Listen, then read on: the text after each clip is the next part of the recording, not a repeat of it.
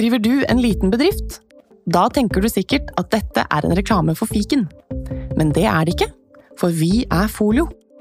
Folio er en banktjeneste for bedrifter, og vi er fikenbrukerne sin absolutte favoritt. Med Folio får du nemlig en superenkel nettbank og kjappere regnskap.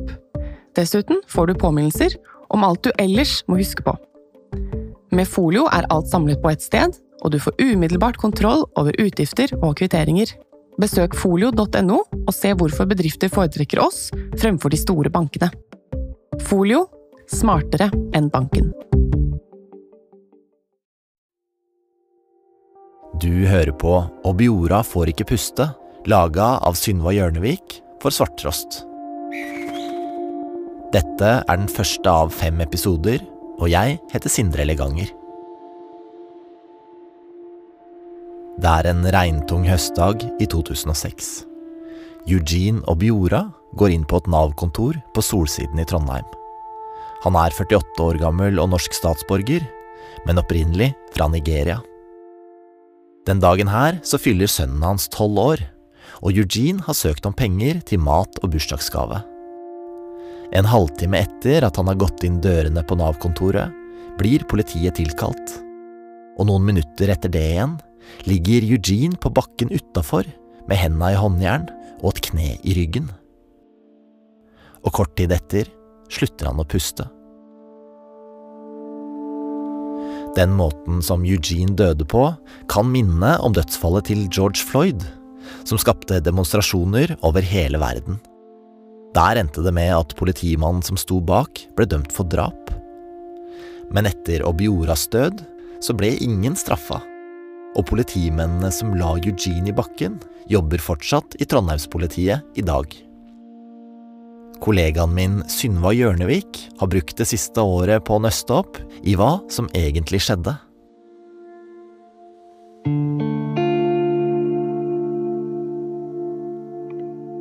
Da jeg begynte å jobbe med denne saken, så visste jeg nesten ingenting om den.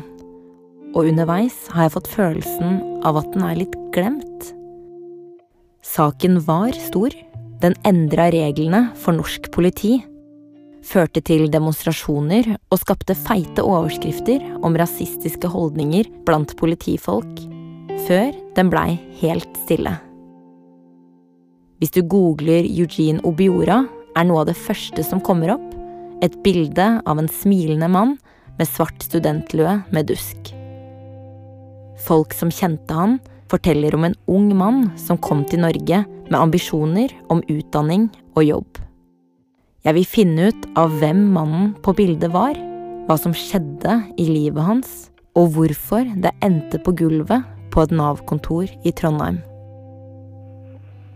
Og så vil jeg snakke med politimennene som la han i bakken og holdt han nede til han mista bevisstheten.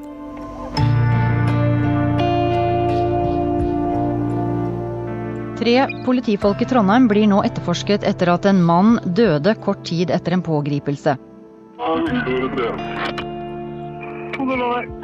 Og da kaster jeg meg rundt eh, halsen på han for å hindre det angrepet. Han ser meg i øynene flere ganger, og han roper 'Help me, someone. Help me'. Hva i all verden er det som kan ha skjedd? Hva har politiet gjort? Er det noen som tar ansvar for dette?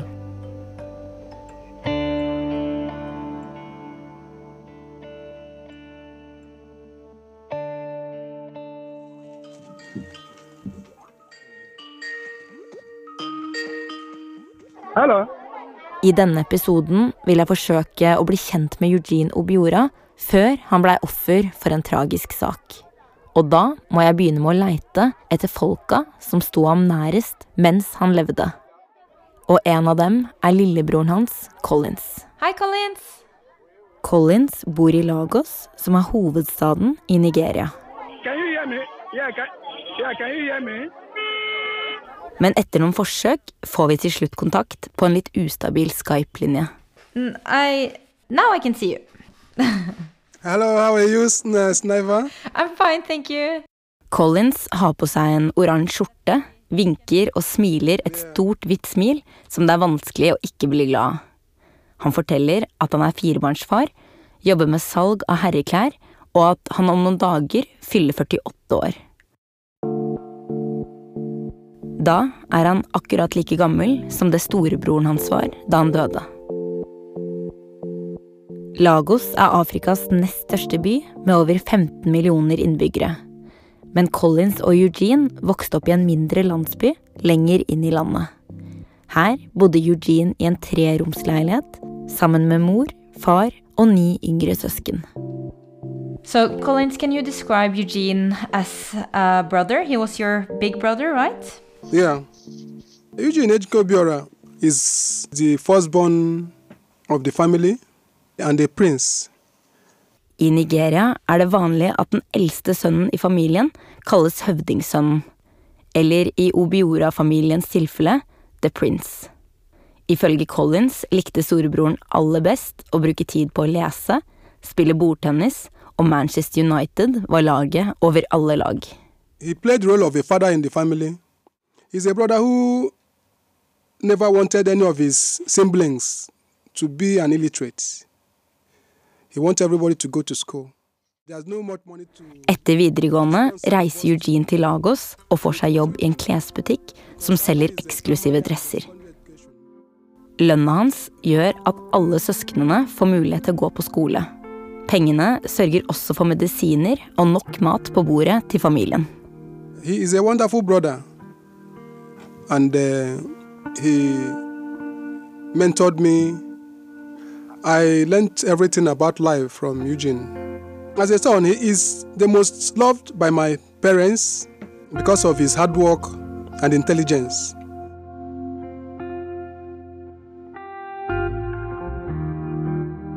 Men Eugene drømmer om noe mer, forteller Collins. Han vil studere i utlandet, tjene gode penger og gifte seg med noen med høy utdanning, kanskje aller helst en lege.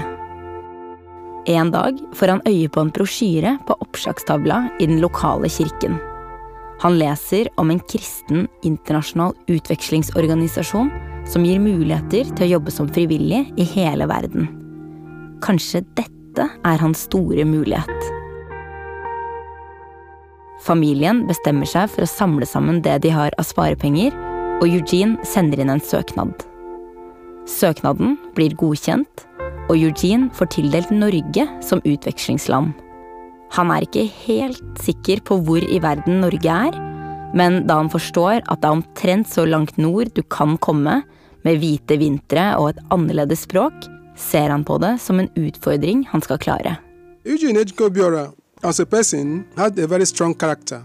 He is a, a disciplinarian.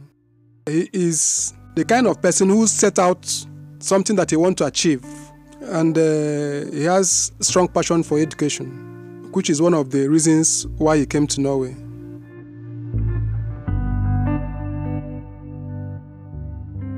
Den 20. juli 1987 setter Eugene seg på flyet fra Lagos mot Norge. Eugene forlater ni småsøsken, foreldrene og en klesbusiness for å jakte et bedre liv for han og familien. Collins er stolt av den ambisiøse storebroren sin, og han aner ikke at neste gang han skal se Eugene igjen, er på et likhus i Trondheim.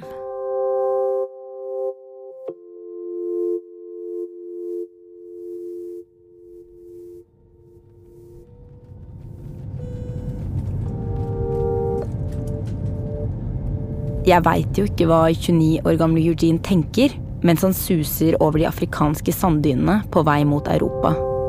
Han må jo ha kjent på spenning, men kanskje aller mest forventning. Familien har jo satt et sparepengene sine på ham, og han forlater en trygg jobb som så langt har skaffa familien skolegang, mat og medisiner. Idet flyet lander på Fornebu i lett duskregn, så grubler han kanskje over hva slags liv som venter han.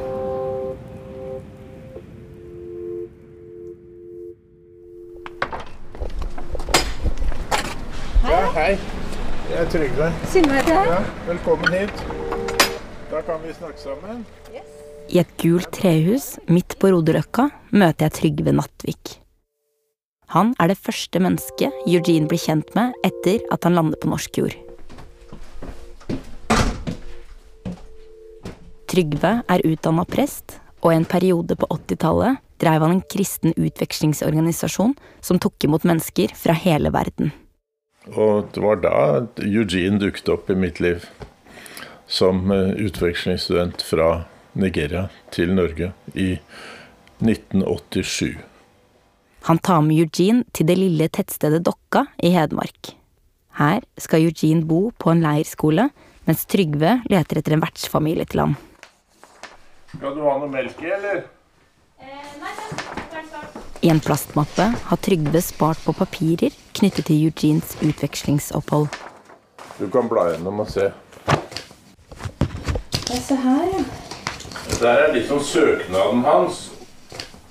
Her er bl.a. søknadsskjema som Eugene sendte etter å ha sett brosjyren i kirken.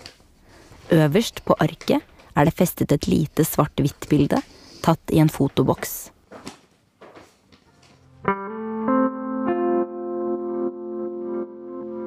Jeg ser en ung, litt alvorlig Eugene med store briller, dress og slips. I skjemaet har han fylt ut, nesten som en dagbok, sine positive og negative sider. Under positive skriver han at han er åpen for nye opplevelser, og at han hater urettferdighet. Under negative skriver Eugene at han fort kan bli irritert. Han skriver videre om en opplevelse som har preget livet hans, og som han aldri glemmer. En gang så han politiet banke opp en uskyldig eldre mann på et busstopp i hjembyen. Det er vanskelig å si hvilke opplevelser som har innvirkning på et liv. Men kanskje er denne episoden med ham når Eugene noen år seinere selv skal nekte å underkaste seg politiet. Det, det der må være, for der skriver han om at han kom til Norge og litt forskjellige sånne ting. Trygve har også spart på et to sider langt brev der Eugene skriver om den første tiden i Norge. Det er skrevet med penn på linjeark, med ord som er strøket over, og rettelser her og der.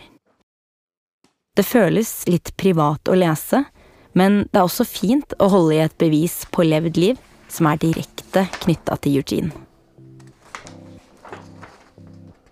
I brevet står det It was a very nice summer for Norwegians, but I was wearing five sweaters every day. Everything was very strange to me. The language was a big problem, as I was not able to understand anything. I am a vegetarian in Nigeria, but in Norway, I had to adjust my life. Every day, we got fish, meat, and potatoes.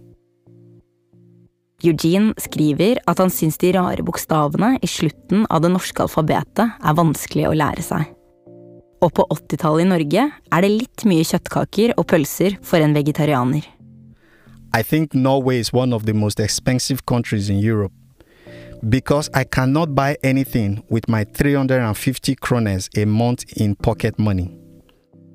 Norge er ikke bare veldig kaldt, men også et veldig dyrt land, skriver Eugene. 350 kroner holder så vidt til et månedskort på bussen i Oslo i 1987.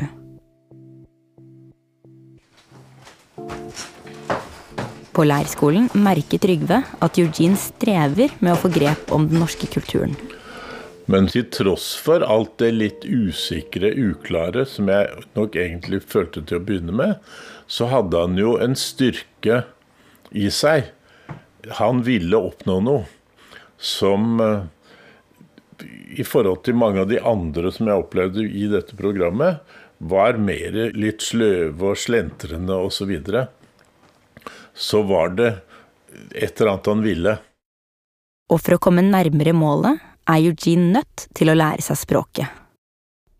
Altså, han var jo en vennlig mann. Tone Vindegg er norsklæreren hans på leirskolen. Ikke så ung som en del av de andre. Uh, usikker med rette på, på hvor Norge hadde å, å by han oppi dette regnværet, kald og frossen og tapper. Eh, etter hvert skulle vi jo introdusere disse folka for eh, norske verdier og levemåter, og tok dem med på hyttetur til fjells. og gikk turer uten noe annet mål enn å se på naturen. ikke sant? Jeg syns dette var ganske underlig, mange av dem. At det ikke var noen golfbane, ikke var det noen kafé. Altså sånn Hva var vitsen? Men bare å traske etter hverandre på en sti. Men, eh, men Eugene var en utprega tålmodig fyr, da.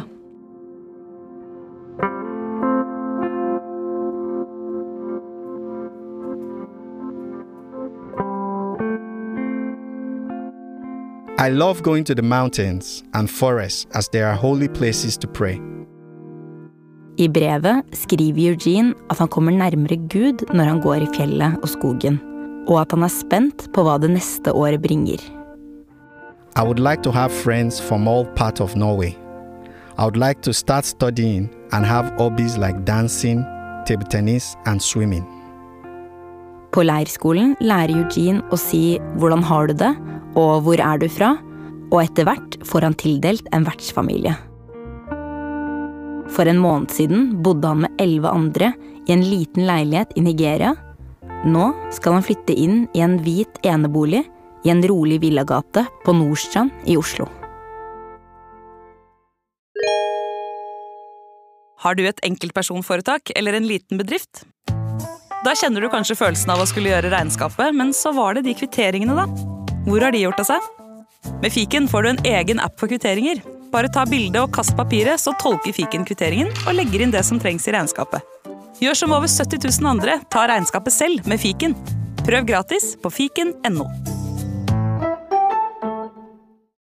Før du hører videre, så vil jeg tipse deg om en annen serie som du finner her i Svarttrost Dukk.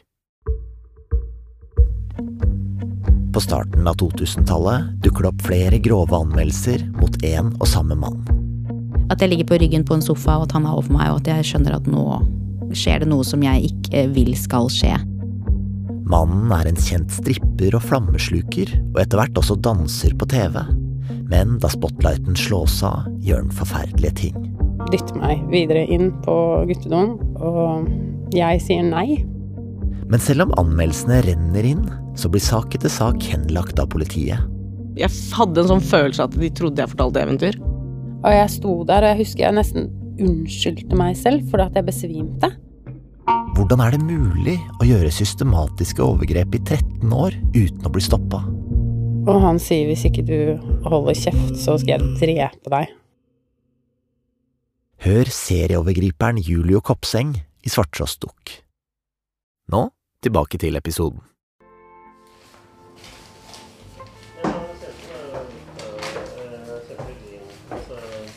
Jeg er hjemme hos Per Halvard Eliassen, Eugenes tidligere vertsbror. Vi går ned i kjelleren for å hente en sekk full av gamle avisutklipp og bilder. Så jeg kan bare lesse ut litt her. Kan du kanskje bare bla litt gjennom? Nei, førsteinntrykket mitt var at han var en hyggelig og omgjengelig og blid fyr. Med et glimt i øyet, spøkefull og eh, Han var jo på skole på dagen, og jeg var på Blindern om dagen. Og så hang vi mye sammen på kveldene og helgene og sånn. Og fikk liksom ny kamerat, en sånn ekstra bror. Så han var liksom en del av vennegjengen etter hvert. Blant papirene ligger det et album med bilder av Eugene i situasjoner som tikker av typisk norskboksen. Eugene i solsteika med mørk dress og stor 17. mai-sløyfe. Eugene på dugnad i den frodige hagen utenfor kjøkkenvinduet der Per Halvard og jeg sitter nå. Eugene på ski i blå fjellreven-anorakk og gamasjer. Inn- eller utflyttingsfest. Per Halvards leilighet på Sagene 8990. Det er også bilder av en liten leilighet full av mennesker med hockeysveiser, hornbriller og pologensere. De drikker vin, danser og spiller LP-plater. I midten av vennegjengen står Eugene og smiler mens han skåler til kamera.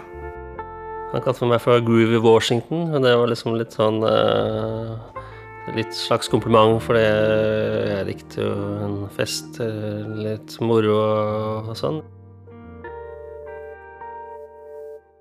Etter et år i Norge drar de andre utvekslingsstudentene hjem. Men Eugene bestemmer seg for å bli i det kalde landet hvor han har blitt tatt så godt imot. Før han vender hjem til Nigeria, så har han mange ting han ønsker å utrette, og flere ting han vil bevise. Både til foreldrene, lillebror Collins, og ikke minst overfor seg selv.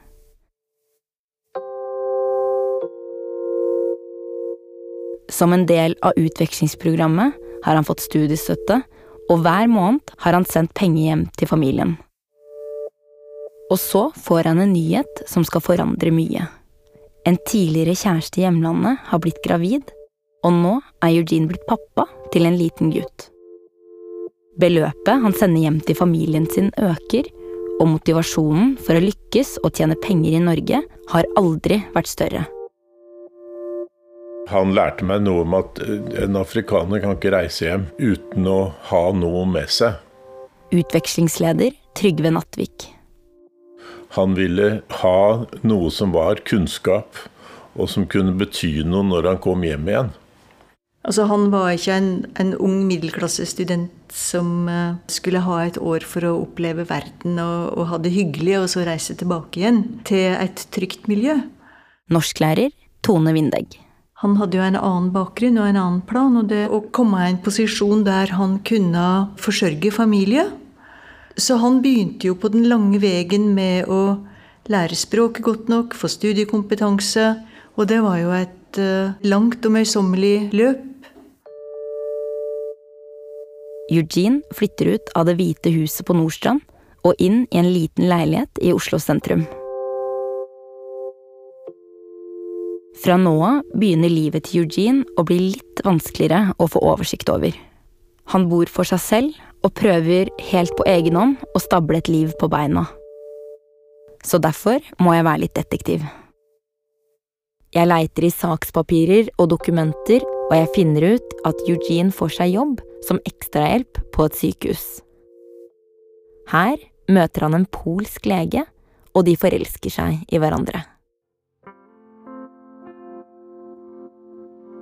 Den 26. juni 1992 står Eugene ved alteret i den katolske kirken i Oslo sammen med kvinnen fra sykehuset.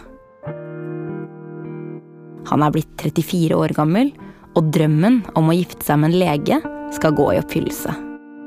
Vertsbror Per Halvard er Eugenes forlover, og Trygve og Tone er gjester i bryllupet. Etter vielsen går den lille forsamlingen på indisk restaurant og skåler for kjærligheten. To år seinere får Eugene og hans polske kone en sønn her i Norge. Eugene fortsetter å sende penger til familien sin i Nigeria hver måned. Men nå som han har en familie å ta seg av i Norge også, forsøker Eugene å finne seg en jobb som på sikt vil gi bedre inntekt. Han bestemmer seg for å studere og kommer inn på statsvitenskap på NTNU i Trondheim. På det tidspunktet her, i 1997, har Eugene bodd i Norge i ti år. Høvdingsønnen fra en liten landsby i Nigeria har oppnådd flere av drømmene sine. Da han fyller 40 år, har han blitt norsk statsborger, giftet seg, fått barn, kommet inn på høyere utdanning og skapt et lite nettverk. Men de neste åtte årene skal det skje ting i livet til Eugene som gjør at han må oppsøke et Nav-kontor som en desperat mann uten penger.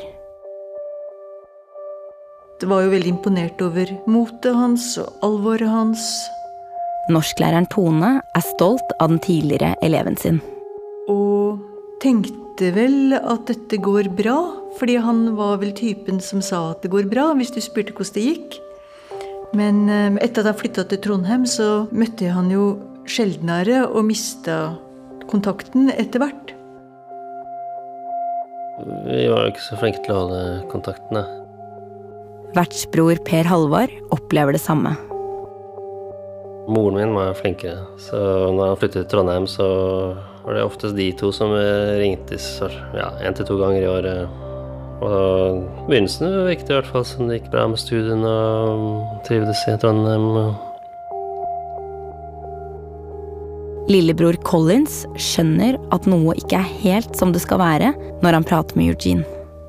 When he was in Norway, uh, I was always in constant contact with him because we are fond of each other. He told me that life in Norway is not all that easy as expected. Eugene forteller Collins at hvis alt går som han håper, så skal han fullføre en mastergrad i samfunnsøkonomi ved NTNU i Trondheim i løpet av 2007. Men alt går ikke etter planen. Da jeg leiter gjennom dokumenter fra denne tida, så finner jeg ut at den lille familien går i oppløsning. Eugene og kona skiller seg, og etter det får Eugene være sammen med sønnen sin fire langhelger i året, i tillegg til ferier. Når de er sammen, forsøker han, ifølge dokumenter, å lære sønnen sin engelsk, matematikk og sjakk, og de prater ofte på telefonen. De planlegger også å dra på United-kamp i England. Eugene har også tett kontakt med den andre sønnen sin, som bor i Nigeria. Han sender fortsatt penger, som han får gjennom studielån og en ekstrajobb. De planlegger at sønnen snart skal få komme på besøk til pappaen sin i Norge. Eugene må bare spare opp litt først.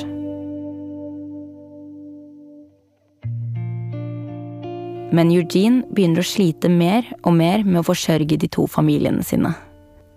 Han bor i en liten kommunal leilighet øst for Trondheim sentrum.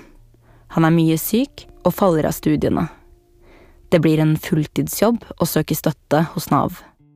Arbeidsavklaringspenger, tiltakspenger, uføretrygd, økonomisk sosialhjelp, en jungel av skjemaer med byråkratisk språk, regler og paragrafer.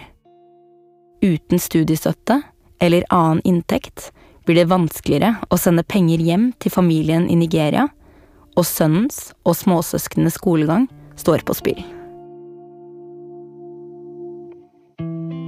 Eugene blir sett letende i søppelkasser i Trondheim sentrum på jakt etter tomflasker. Ifølge vertsbroren Per Halvard ringer Eugene til foreldrene hans for å spørre om han kan låne penger. Hvordan er det for Eugene å ringe vertsforeldrene sine for å spørre om hjelp til å betale strømregninga? Hvem andre føler han at han kan spørre? Hvor mange snakker han med i løpet av en dag? Hvem veit hvordan det faktisk står til med ham? Jeg lurer på hvor ydmykende disse tingene må ha vært for Eugene. Når alt han ville, var å bevise, forsørge og imponere. Og er det frustrasjonen over alle disse tingene som gjør at det til slutt skal gå så innmari galt? Om et års tid skal hundrevis av folk marsjere i gatene for Eugene. Med røde T-skjorter med bilde av en ung mann med svart studentlue med dusk, skal mennesker i alle aldre demonstrere for ham. På store, hvite plakater står det skrevet 'Rettferdighet for Obiora'. Men dette veit han ikke, og han skal aldri få vite.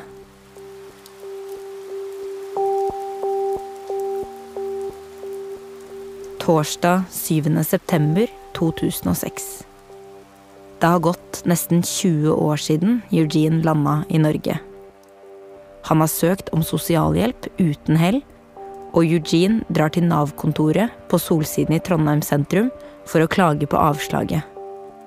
Han vil at saksbehandlerne skal vurdere søknaden hans på nytt. Det er ikke hvilken som helst dag. Det er nemlig tolvårsdagen til den yngste sønnen til Eugene. Og han vil gjerne sende en bursdagsgave, men har ingen penger. Tida som forsørgende høvdingsønn i Lagos, eller åra som familiemann i Oslo, føles kanskje ekstra fjern denne regntunge høstdagen. Eugene trenger litt medvind, og det er viktig at søknaden blir godkjent. Men det som skjer de neste minuttene nå, skal få store konsekvenser for Eugene og hans to familier i Norge og Nigeria.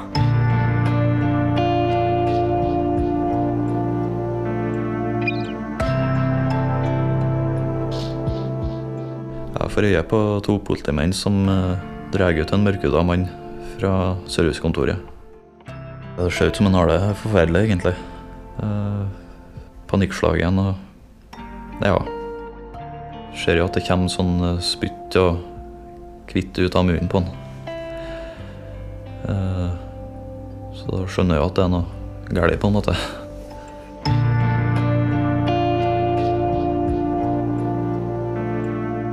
Dette var første del av Obiora får ikke puste, laga av Synva Hjørnevik for Svarttrost.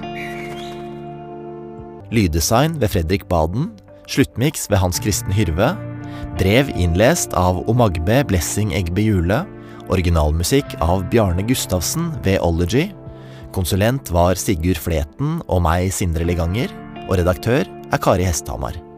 Beskrivelsene i programmet er bl.a. henta fra dokumenter fra bistandsadvokaten. Tusen takk til Elvis Novusu, som er talsperson for Obiora-familien, og som har hjulpet til med å opprette kontakt med dem. Den tidligere kona til Eugene Obiora og deres felles sønn har fått tilbud om å fortelle sin versjon, men de har ikke ønska å delta i programmet. Obiora-familien blir representert av Collins Obiora.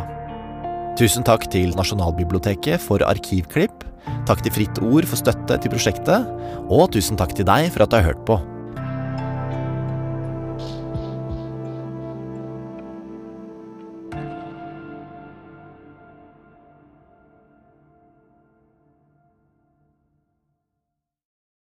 Resten av denne serien er eksklusiv for abonnentene våre. Du kan bli abonnent ved å søke opp Svarttrostdukk i podkastspilleren til Apple eller i Spotify.